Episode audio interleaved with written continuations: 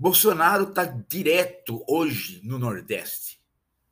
É que lá ele tem uma rejeição de 63% da população. Aqui no Sul, a rejeição cresce, cresce assustadoramente, passa dos 50%. Bolsonaro, pela primeira vez, tem apoiadores só no número de 24%.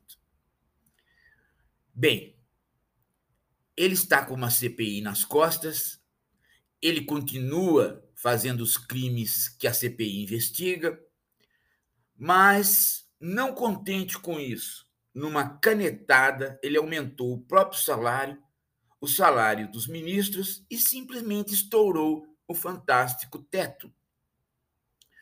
Bem, tudo indica que se a eleição fosse hoje, Bolsonaro perderia para Lula, segundo as pesquisas, quase todas elas favoráveis a Lula. Mas favoráveis num número inaudito. Até pouco tempo, a preferência por Lula ou era pequena ou empatava. Agora Lula disparou. É como se Lula tivesse voltado naquele período inicial, antes da prisão, quando ele ainda podia ser candidato. Agora, ele pode de novo. Bem, o problema todo é aquele de sempre. A eleição não é agora, é no final do ano que vem. Há praticamente dois anos para que você tenha novo presidente. E enquanto isso, o país morre de fome, o país morre de Covid, o país morre de vergonha.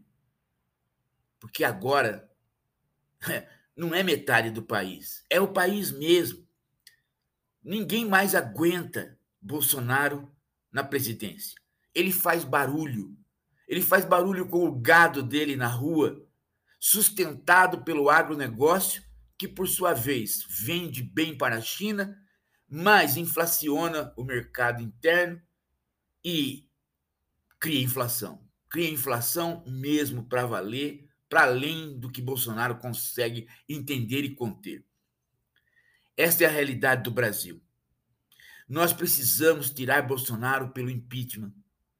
Nós precisamos tirar Bolsonaro a partir das conclusões da CPI. Nós precisamos pendurar Bolsonaro de ponta cabeça como Mussolini.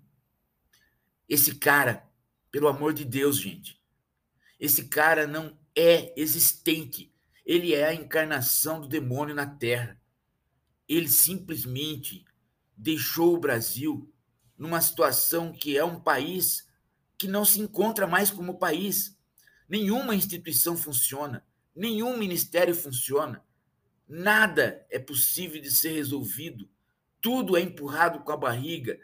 Tudo é feito a partir de milicianos no Planalto. Não é possível mais. Bolsonaro genocida tem que cair.